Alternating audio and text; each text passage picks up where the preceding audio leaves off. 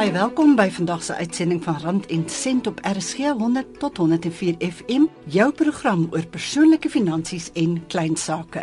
Ek is Helen Ukerman. Egskeidings gebeur. Dit is enige vrou se verantwoordelikheid om seker te maak dat haar finansies op so vlak is dat sy haar lewe sonder haar eggenoot kan voortsit. As dit ooit so ver kom. Die belangrikste vir enige vrou is dat sy deel is en op hoogte is van die egpaar se finansiële beplanning. Angelique Visser, voorsitter van die Fiduciêre Instituut van Suid-Afrika, is vandag by ons in die ateljee en gaan vir ons 'n paar riglyne gee oor hoe 'n vrou in hierdie posisie ingeligte besluite kan neem en hopelik haar situasie kan verbeter. Welkom by Rand en Sent Angelique. Baie dankie Helen. Angelique, vroue is deesdae baie meer vry in hulle finansies as 'n paar dekades gelede. Ek raai die meeste verdien seker hulle eie inkomste en bou aan 'n loopbaan, maar hoe gereeld kom dit nog voor dat vroue finansiëel van hulle lewensmaats afhanklik is? En ek vind dit ten spyte van die feit dat meeste vrouens deesdae ook werk, die meerderheid nie senior poste bekleed nie en omdat hulle nog 'n versorgingsrol in die gesin moet speel. Ek verdik vols dat die vrou minder verdien as haar gade. Dit is egter na my mening nie die probleem nie, maar wel die feit dat die vrouens baie keer nie verantwoordelikheid neem vir hulle finansiële posisie nie en dit wel oorlaat aan hulle lewensmaat. Indien nie huwelik dis ontbind by egskeiding of soms by dood, is sy dikwels nie finansiëel onafhanklik nie en derhalwe van haar afhanklik van haar man of um, lewensmaat in hierdie geval. Die probleem is dan dat sy nie dieselfde lewensstandaard kan handhaaf nie. Beslis. Ehm um, daar's verskeie faktore wat dan in ag geneem moet word, maar in meeste gevalle as mens na statistiek kyk, is die vrou in 'n swakker finansiële posisie na egskeiding, omdat hulle nie altyd voorsiening maak vir al die kostes na egskeiding nie of dalk nie bewus is van die kostes nie en dit nie ook onderhandel gedurende die onderhandelingsproses van egskeiding nie. Kan jy vir ons verduidelik wat 'n vrou moet doen om te verseker dat sy in 'n beter finansiële posisie is by egskeiding of by die dood van die vorige of huidige gade. As mens kyk die finansiële beplanningspraktykstandaarde, beveel aan dat daar ses stappe is wat geneem moet word as 'n finansiële beplanner 'n finansiële beplan vir 'n kliënt saamstel. Maar in hierdie geval wil ek eintlik kyk na die vrou spesifiek en die verantwoordelikheid op haar plaas en nie op die finansiële beplanner nie. Die eerste stap is dis dat die vrou moet besef dat sy verantwoordelik is vir haar gesin en veral in die geval van 'n enkelouer verhouding vir haar finansiële welfaart. Net soos wat ek sorg vir gesonde eetes byvoorbeeld vir my gesin, moet ek ook toesien dat die langtermyn finansiële beplanning of plan gesond is. Wanneer 'n persoon getroud is of in 'n verhouding is, of sy werk of nie, moet sy saam met haar maat verantwoordelikheid neem daarvoor en dit nie alles in sy hande laat nie. Dit mag wees dat jou maat baie goed is met die finansies, maar ek het al baie hartseer gevalle teëgekom waar vrouens hulle maats blindelings net vertrou het en dan op 'n baie hoë ouderdom of op baie op by dood agterkom. Of selfs in egskeiding soos wat ons nou praat, dat die finansies nie hulle sterk punt was nie en dat hulle nie behoorlik voorsiening gemaak het nie en dan in 'n baie swak finansiële posisie is. Dus na my mening is die eerste stap is om verantwoordelikheid te neem, het sy gesamentlik of afsonderlik, maar aksie moet geneem word om seker te maak dat jy beheer neem van jou eie finansiële status.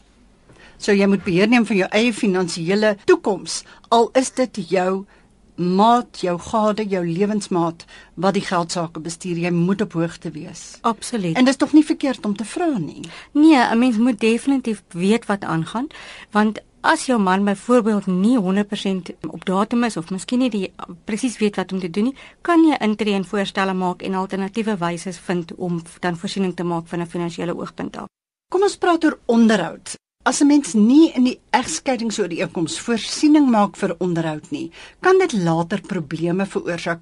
Kan jy vir ons meer daaroor vertel? Ja, beslis, want as dit nie deel vorm van die egskeidingsbevel of die ekskikkingsooreenkoms nie, dan sal enige kostes wat verhaal moet word later ehm um, aansoek gedoen moet word by die hof. As daar nie ooreengekom word dat die man die buitemense aktiwiteite sal betaal of sekere mediese kostes ensovoorts nie, dan kan niemand hom verplig om daai kostes te betaal as dit nie deel van die kontrak is nie dan gewoonlik moet 'n mens die hof nader en dit vat baie tyd in beslag as ook baie kostes wat aangegaan moet word wat onnodig is en gewoonlik het die vrou dalk nie die fondse om dan weer die hof te nader nie. So dis baie beter om eerder voordat die egskeiding afgehandel is te konsulteer en kyk wat gaan in die beste belang van die kinders wees en alle moontlike kostes in berekening bring en dit deel maak van die ooreenkoms sodat daar nie na die tyd weer hieroor gekibbel moet word nie.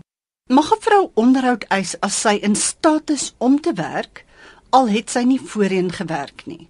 'n Vrou kan beslis onderhoud eis wanneer die doel van 'n onderhoud is om 'n persoon in dieselfde posisie te plaas na die egskeiding as voor die egskeiding. Die feit dat sy kan werk sal egter wel in berekening gebring word wanneer sy vir onderhoud eis. Ouderdom byvoorbeeld, gesondheid van die vrou, haar vermoë om te werk, lewenstandaard en al hierdie faktore sal in berekening gebring word wanneer daar bepaal word of sy 'n onderhoudseis teen haar man se boedel het of nie. As jy jou hele lewe wel gewerk het terwyl jy in die huwelik was, wat dan? Wel, dan het sy ook bygedra tot daardie gesamentlike boedel as hulle binne gemeenskap van goedere is en sy sal beslis 'n eis hê teen die boedel vir die bydrae wat sy gemaak het, want beide persone het 'n verantwoordelikheid om by te dra tot die boedel of tussen die twee partye.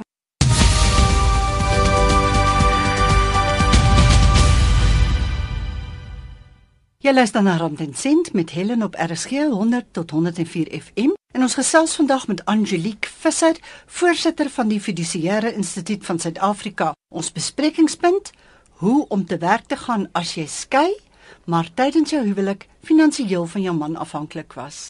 Wat van onderhoud vir kinders, Angelique? Hoe bepaal 'n mens hoeveel dit moet wees? Daar is nie 'n spesifieke formule nie. Die bedrag sal weer eens bereken word deur te kyk na die inkomste vermoëns van beide ouers, die lewensstandaard van die gesin, gesondheid van die kinders of as die kinders miskien spesiale behoeftes het wat hulle aanvoorsiening moet maak, dan ook die ouderdom van die kinders, Byvoorbeeld as 'n babatjie baie klein is, gaan hy miskien vir baie langer periode onderhoud nodig hê teenoor 'n kind wat amper uit die huis uit is en nie meer so afhanklik is van die ouers nie. So 'n mens gaan kyk of daar byvoorbeeld 'n behoefte is vir tersiêre onderrig. So daar's baie faktore waarna mens sal moet gaan kyk om vas te stel wat die bedrag gaan wees wat die ouers dan moet bydra tot die onderhoud. As 'n vrou skei van haar man, of sy nou finansiëel afhanklik is van hom of nie, dan beteken dit natuurlik dat sy ook geregtig is op van die gesamentlike bates. Waarna moet 'n mens oplet as jy jou bates wil beskerm? Eerstens is dit baie belangrik om te weet wat die verskillende huwelikstelsels is, want dit gaan bepaal watter bates jy op geregtig is. Daar's 'n verskil tussen huwelike wat binne gemeenskap van goedere is en buite gemeenskap van goedere. En in die geval van binne gemeenskap van goedere gaan die vrou geregtig wees op helfte van die boedel ongeag wie wat in die boedel ingebring het tydens die huwelik of selfs bates wat voor die huweliksluiting bekom is en dan deel vorm van die gesamentlike boedel.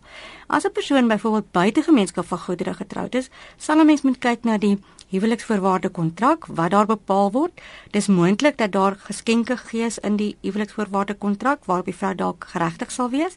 En dan is dit ook belangrik om vas te stel of die persoon dan getroud is met of sonder die aanwasbedeling want indien sy getroud was met die aanwasbedeling mag sy dalk 'n eis hê teen die man se boedel as hy 'n groter boedel het as wat sy het by die datum van ontbinding by in hierdie geval dan by egskeiding. So dis baie belangrik eerstens om vas te stel hoe 'n persoon getroud is want dit gaan 'n groot aanduiding wees van hoe 'n persoon sy bates kan basies verdeel en is ook belangrik wanneer 'n persoon in huwelik tree om dit dan in berekening te bring.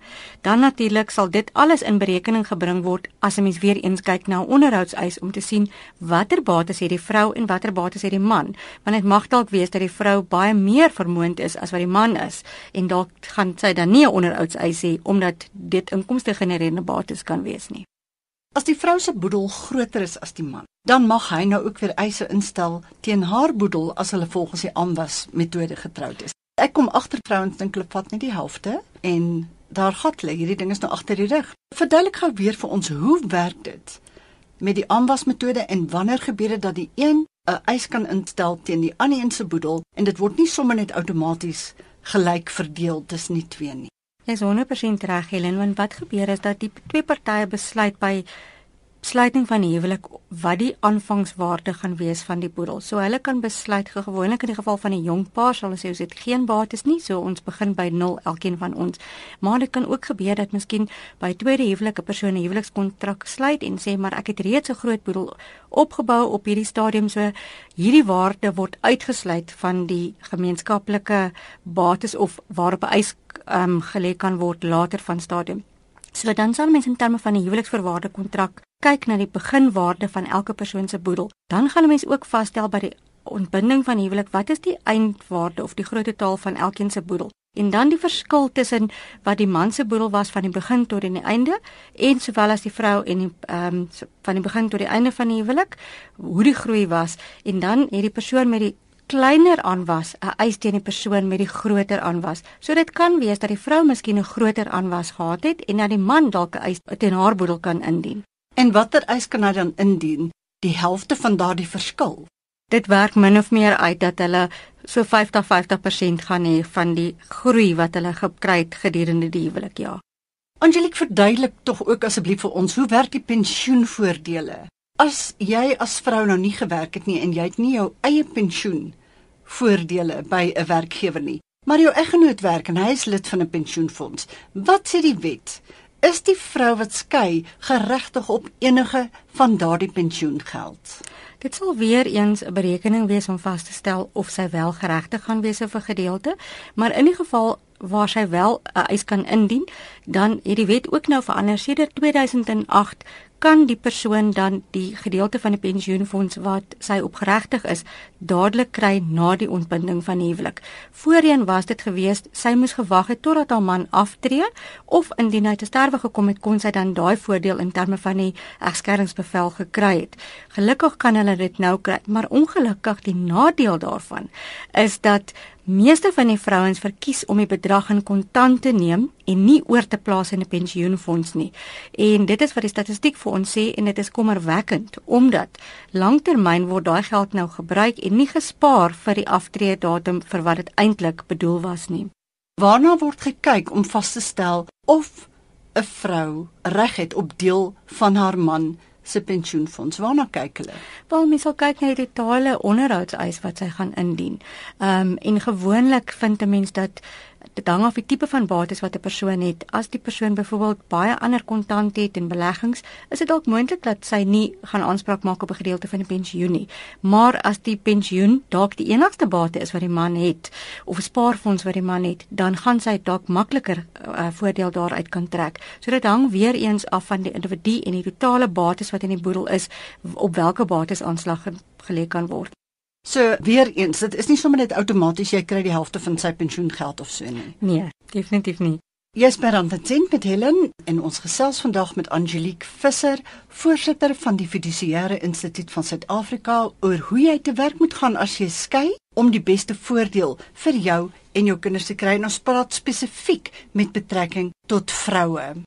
Hoe belangrik is dit Angelique om so gou as moontlik 'n Nuwe Testament op te stel na jou egskeiding? Ja, ek dink dit is verskriklik belangrik en is natuurlik een van die laaste goed waaraan enige persoon dink wanneer wat wanneer hulle deur 'n egskeiding gaan.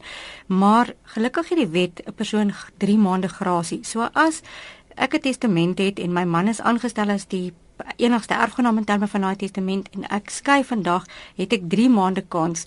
So as my man in daai stadium sou doodgaan, dan word dit geag asof hy nie in lewe is nie. Maar na 3 maande sal die wet sê, maar jy het genoeg grasie gehad, genoeg tyd gehad om jou finansiële sake in orde te kry, so ons aanvaar jy wou gehad het jou gewese man moet die erfgenaam wees in jou boedel. En vir daardie rede het 'n persoon net 3 maande grasie en dit gaan so vinnig om dat 'n mens eerder terwyl 'n mens deur die egskeiding gaan, sommer met jou prokureur gesels of met jou 'n boedelbeplanner om seker te maak dat jou testament op datum gebring word.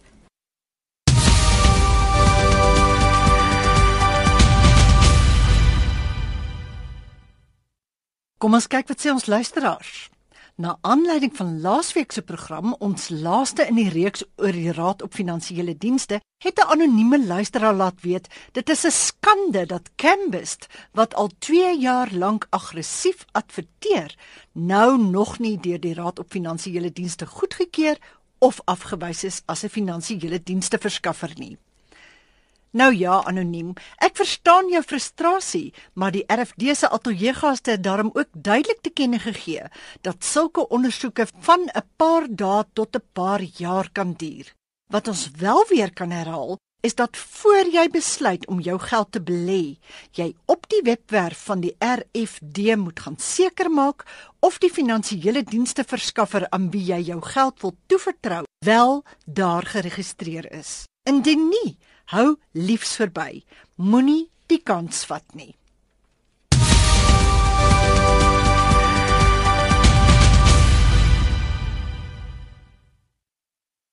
Ons gesels nou verder met Angelique Visser, voorsitter van die Fiduciêre Instituut van Suid-Afrika, oor wat vroue moet weet oor hulle geldsaake en egskeiding. Ja, toesig en voogdyskap oor kinders behoort elke ouer wat skei baie na aan die hart te lê. Dit is dit is 'n baie pynlike situasie gewoonlik. Hoe moet 'n mens te werk gaan om seker te maak die toewysing van toesig en voogdyskap indien van toepassing word in die beste belang van alle partye gereël? Hierdie is altyd 'n baie baie moeilike besluit om te neem, maar ek dink die ouers hier moet net kyk na die beste belange van die kinders en hulle sal weet presies wat die belangrikste gaan wees en hulle kinders stel voor hulself en seker in in daardie opsig. Ehm um, wat ek wel vind is dat ouers baie keer dink dat as hulle geskei is dat die ma byvoorbeeld beheer en toesig gekry het oor die kinders dat sy alleen voog is. Maar dis nie noodwendig die geval nie. Mens moet vasstel wat die kontrak sê. Omdat as hy 'n testament opstel bepaal die kinderwet dat 'n voog of 'n ouer moet ehm um, of ouer natuurlik die die natuurlike voog moet 'n voog aanstel in die geval van dood maar as die ma doodgaan en sy is die nie die enigste voog nie, sal die pa outomaties beheer en toesig kry dan as as natuurlike voog van die kinders. So dit is hoekom ons gewoonlik testamente opstel om te sê by gebreke aan 'n natuurlike voog stel ons ABC aan as die net as 'n voog van die minderjarige kinders. En dan moet ons ook onderskei tussen voog en 'n trustee want die mense onderskei nie altyd tussen die twee um, rolle ook nie. Wat is 'n trustee dan in hierdie verband? 'n Trustee sal aangestel word um, om 'n testamentêre trust op te rig en dan voorsiening te maak vir die finansiële aspek. So die voog sal natuurlik kyk na die persoon en kyk dat die kind elke dag versorg is, maar dis nie noodwendig daardie persoon wat gaan toesien tot die finansies van daai minderjarige kind nie. So dan stel 'n mens 'n testamentêre trust op in jou testament. Die fondse gaan aan die trust betaal en die trustee sal dan 'n maandelikse bedrag betaal om te sorg vir die onderhoud van die minderjarige kind. Wanneer die kind 18 jaar oud is, kan dit dan direk aan die kind betaal word, die fondse. Dis as die kind byvoorbeeld by die universiteit is, totdat die trust staak op watter datum bepaal was in die testament.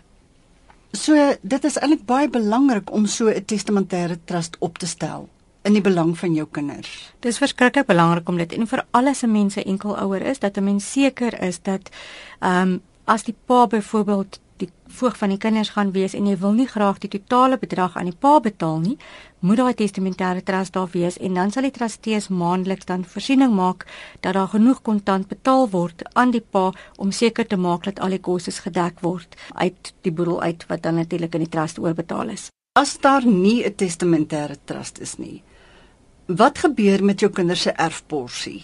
Daardie geld sal dan aan die voogdyfonds oorbetaal word en dan sal die pa wat dan die voog van die minderjariges is, sal 'n eis hê teen die voogdyfonds om 'n sekere bedrag te kry. Die nadeel daarvan is dat dit nie so maklik toeganklik is nie. So uh, uit 'n trust is dit baie vinniger om dan aansoek te doen vir inkomste en ook natuurlik as daar dringende fondse benodig word vir operasie en daai tipe van uitgawes is dit baie makliker om dit uit die trust uit te kry as om dit te eis vanaf die voogdyfonds. So dis beslis baie belangrik. En iets ook wat ons vind is dat mense bemaak polisse direk aan minderjariges wat weer eens ook 'n bietjie riskant is. 'n Mens sal eerder daardie fondse dan betaal aan die testamentêre trust. Meeste versekeringsmaatskappye maak voorsiening daarvoor dat 'n mens dit nie hoef in die boedel in te betaal waardeur dit in die trust ingaan nie. Mens kan dit direk in die trust inbetaal of die trust aan die begunstigde bin as begunstigde benoem. En daardie dinge bepaal jy alles in jou testament. Mens kan dit in die testament meld, maar as die fondse direk aan die trust moet betaal, gaan 'n mens dan eerder op jou ehm um, polis moet benoem en dan die versekeringsmaatskappy in kennis moet stel dat die trust gaan dan die begunstigder wees en nie die minderjarige kind nie. Ja, dis tyd vir Helen se geldwenk wat hierdie week gebring word met die komplimente van ons ateljeegas Angelique Visser, voorsitter van die Fiduciêre Instituut van Suid-Afrika. Soos Angelique. Daar is 'n verskil tussen spaar en belê. Jy moet 'n spaarfonds hê, maar jy moet ook belê oor die lang termyn. Hoe gouer jy begin, hoe groter gaan jou opbrengs uiteindelik wees. Hoe vroeër jy begin, hoe kleiner gaan die maandelikse bydrae wees wat jy moet wegsit. As jy eers later in jou lewe begin, dan word daardie bydrae wat jy elke maand moet lewer al hoe groter in verhouding met die tyd wat jy oor het. Hoe minder tyd jy oor het, hoe meer gaan jy elke maand betaal om dieselfde resultaat te behaal. Begin dus vroeg en maak seker jy bou vir jou 'n lekker nes eier. Angelique, enige slotgedagte van jou kant af? Die belangrikheid van 'n testament opstel, dit kan baie baie probleme uitskakel en 'n mens moet seker maak dat jou testament korrek en al die klousules in het raadpleeg 'n kundige om jou te help om so gou as moontlik 'n testament op datum te kry. Angelique, vir mense wat meer wil uitvind, waar kan ons jou in die hande kry? Al ons lede is geregistreer op ons webtuiste en die adres is www.fidsa.org.za of hulle kan my skakel op my selfoon en ek sal seker maak dat hulle in kontak gebring word met 'n lid in hulle area en my selfoonnommer is 082 565 3565 Goed dan, so die webtuiste waar mense kan gaan oplees en navraag doen ook sekerlik daar is seker kontakpersone daar www.fitsa dit is f i d s a.org.za Dan Angelique se selfoonnommer, jy kan haar bel en dan sal sy jou verwys na 'n uh, eh, adviseur in julle omgewing 082 56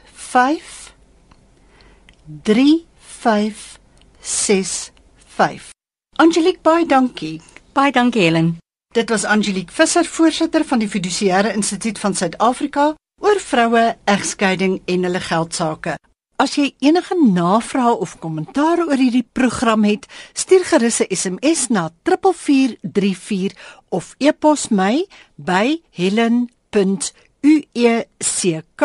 by gmail.com. Natuurlik kan jy ook hierdie program aflaai op RSG se webwerf in MP3 formaat by rsg.co.za as jy weer wil luister. Rustige Sondag verder, dit is Helen wat groet. Ons is weer volgende Sondag terug met meer wenke oor jou persoonlike finansies.